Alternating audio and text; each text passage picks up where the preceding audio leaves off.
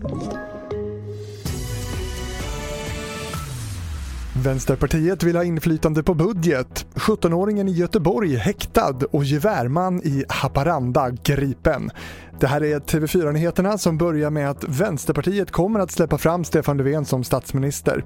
Men för att stödja en budget så kräver vänsterledaren Nooshi Dadgostar en uppgörelse och inflytande i förhållande till partiets storlek med motiveringen att hennes parti är lika stora som Centerpartiet. I det fall vi inte har någon uppgörelse så kommer vi förstås att eh, rösta på vår egen budget. Det är ju så budgetprocessen ser ut i riksdagen. Det sa Nooshi Dadgostar på en presskonferens i förmiddags. Se mer på tv4.se.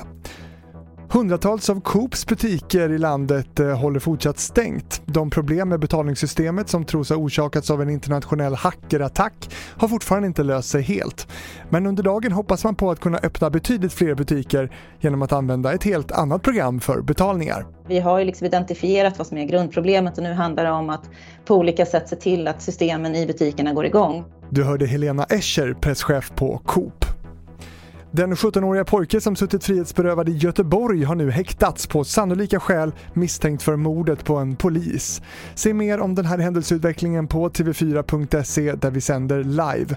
Det var på onsdagskvällen som en polisman i 30-årsåldern dödades när han träffades av skott i Göteborgs stadsdelen Biskopsgården. Och så avslutar vi i Norrbotten där en man har gripits misstänkt för grovt vapenbrott i Haparanda. Uppmaningen till allmänheten om att stanna inomhus gäller inte längre, det skriver polisen på sin webbsida. Det var i morse som polisen fick larmet om en man som eventuellt hade ett gevär. Det finns inga uppgifter om att mannen ska ha uppträtt hotfullt. Och det var TV4-nyheterna. I studion Fredrik Rahlstrand.